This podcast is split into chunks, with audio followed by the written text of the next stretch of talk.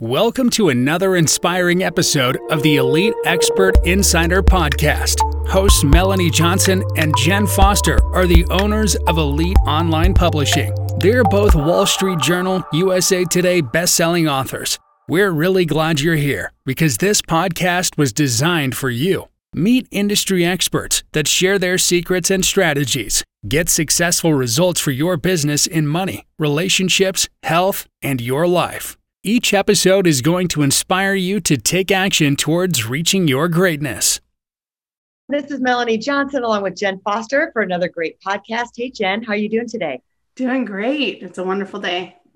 It sure is. And you know what? One of our favorite topics is social media, how to grow your social media, because I just feel like everybody gets on this hamster wheel, including us, of how do you do it? What's the best way to do it without just killing yourself while you're trying to do the whole thing. Well, we have an expert who's not written one, but two books, Hook Point and 1 million followers, which I haven't gotten his new book, but I have the other one. And he is going to tell us how to stand out um, in a crowd without it being so painful. All the great strategies on how to do this. So let's dive in. Brendan Kane, thanks for coming today. Yeah, thanks for having me. It's a pleasure to connect with you and everybody that's listening to this. Great. Well, Brendan, tell us how you got into the industry and how you you know, built up your company to work for all these amazing celebrities and entrepreneurs and businesses.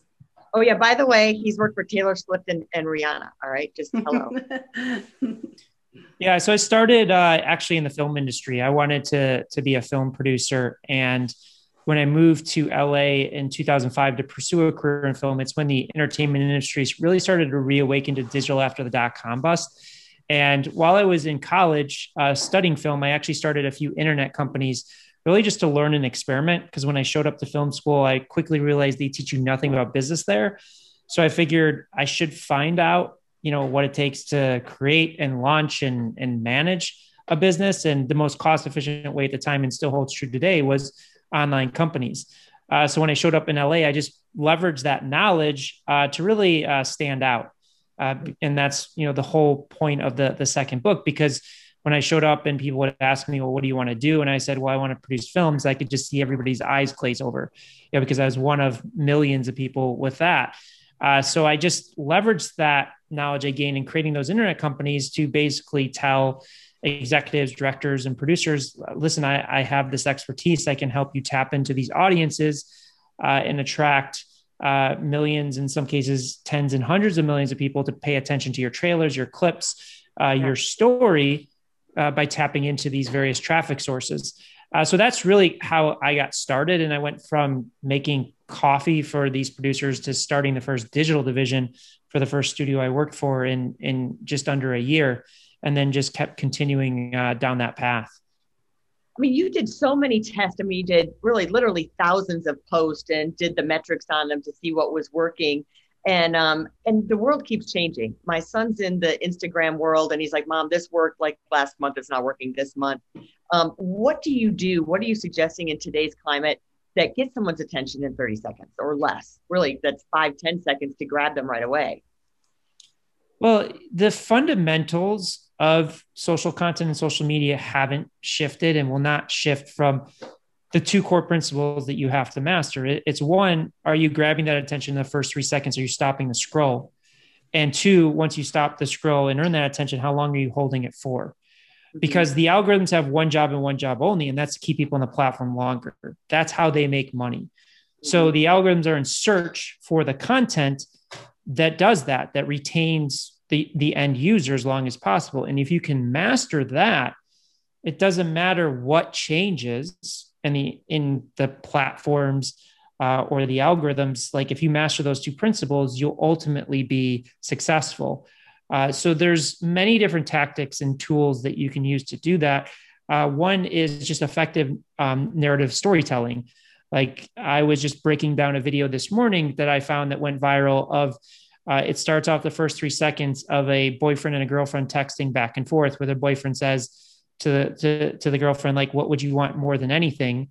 Because she was away at college, like 1,200 miles away, and she was like, "Well, I would love to see you."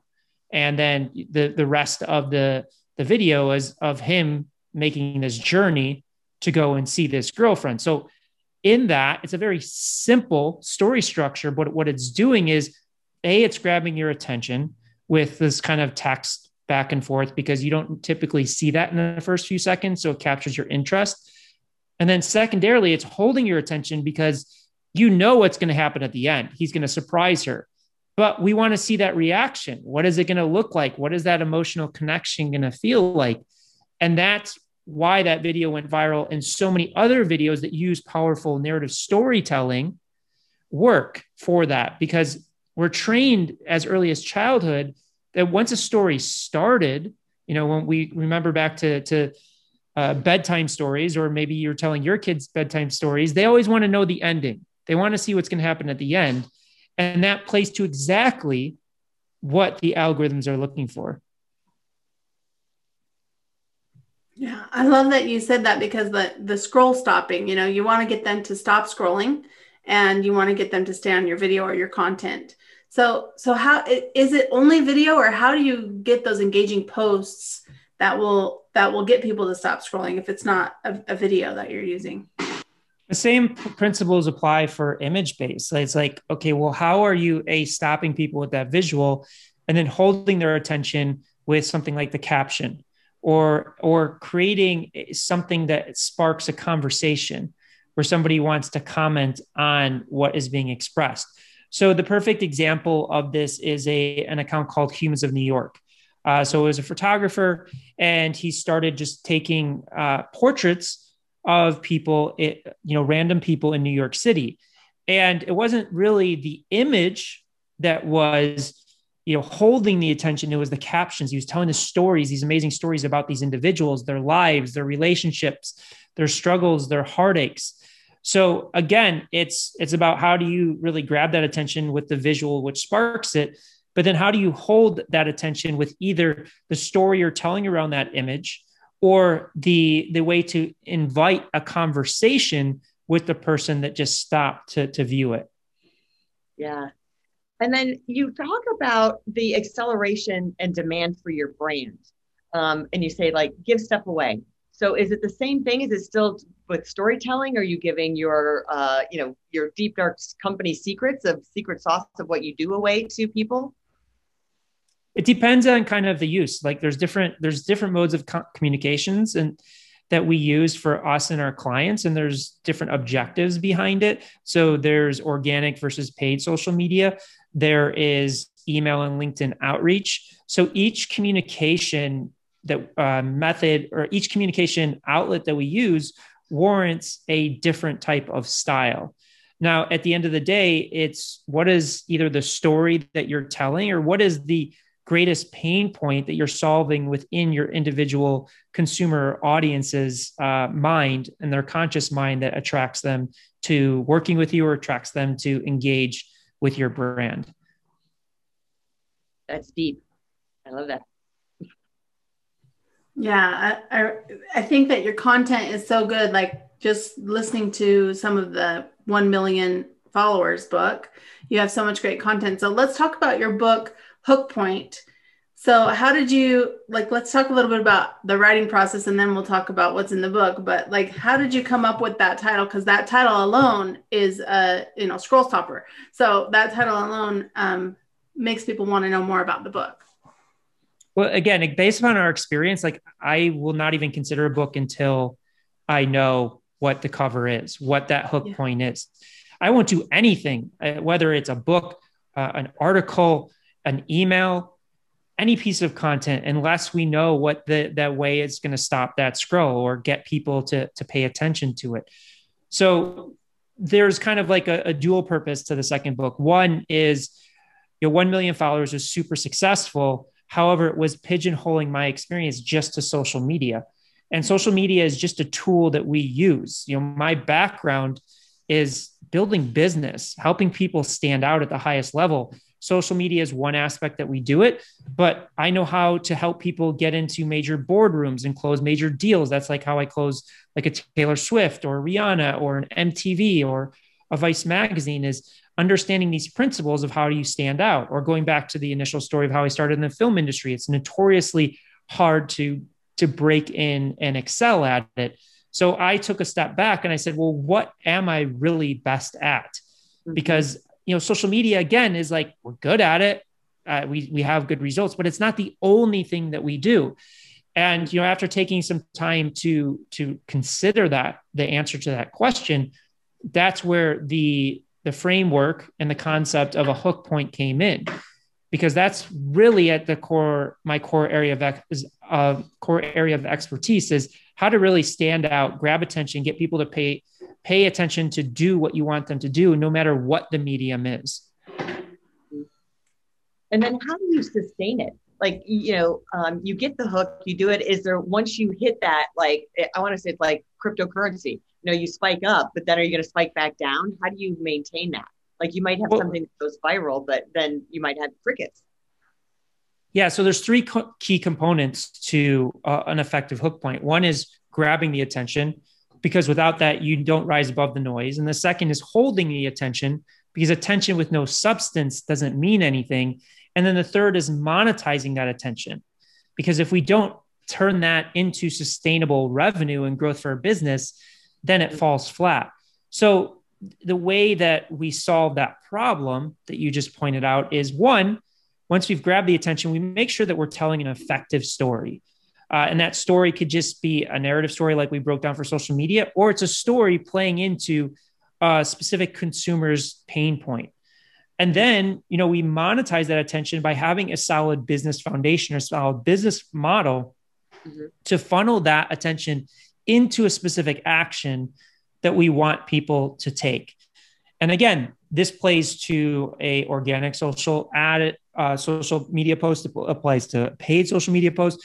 It applies to going into a boardroom and having a conversation. The principles are the same no matter what interaction that you have around your brand obviously the way that you contextualize it or package it may differ based on whether you're meeting somebody in person or pushing a piece of content to somebody through their mobile device.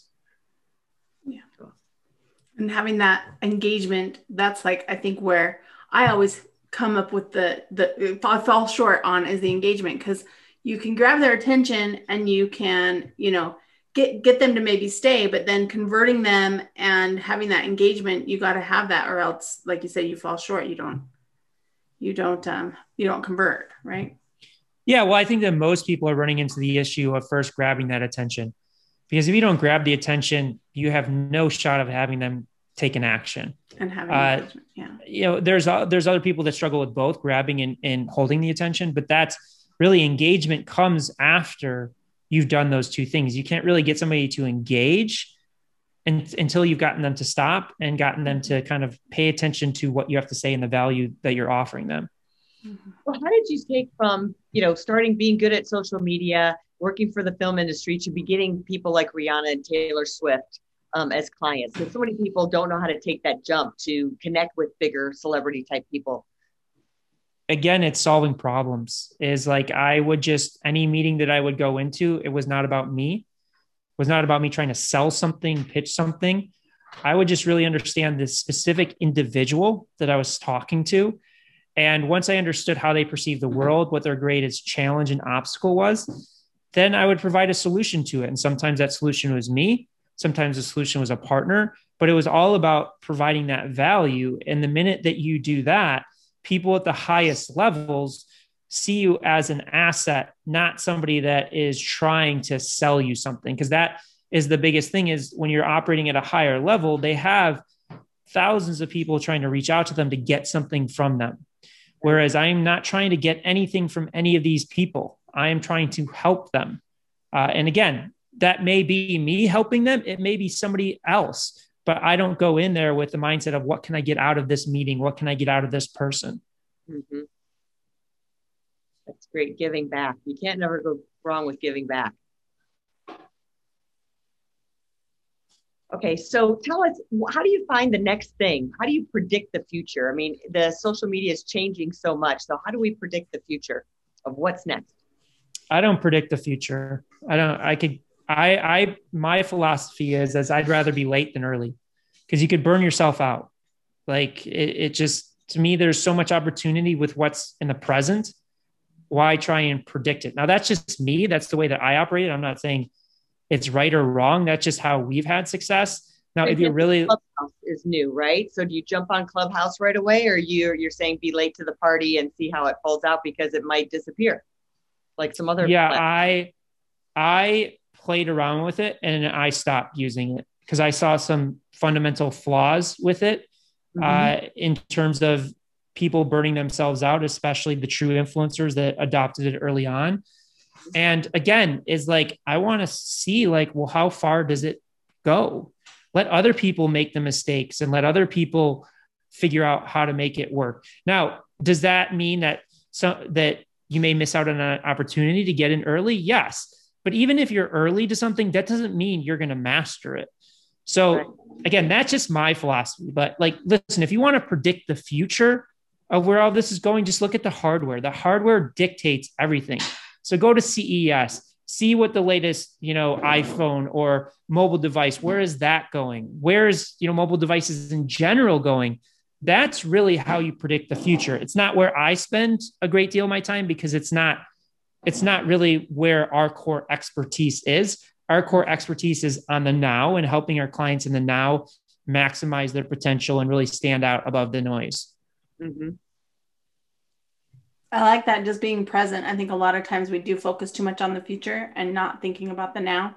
And and the now is what we have right now, right? So Yeah, and I'm not saying that it's not valuable. You know, there's some people that they make a fortune off of focusing on on the future and predicting the future. It's just not where we choose to spend spend our time. So I'm not by any means diluting that because there's immense value there. But for a majority of our clients, uh, it's just it, that's just not where their their head is at. Mm-hmm. Yep. Well, we can't thank you enough for being here today, Brendan. It's been a great interview. We learned a lot, and you've just been fantastic. Is there any last things you want to leave us with?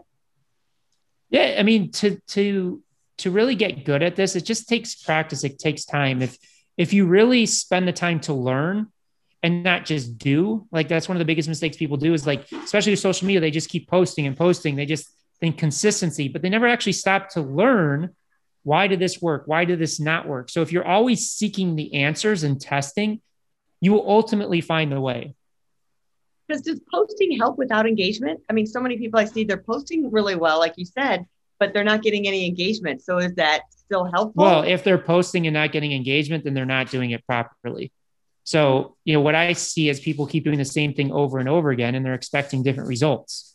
But that's just like when we work with clients or in our stuff, we do a single iteration process. We focus on one piece of content at a time. We set a hypothesis before we create it. We test it.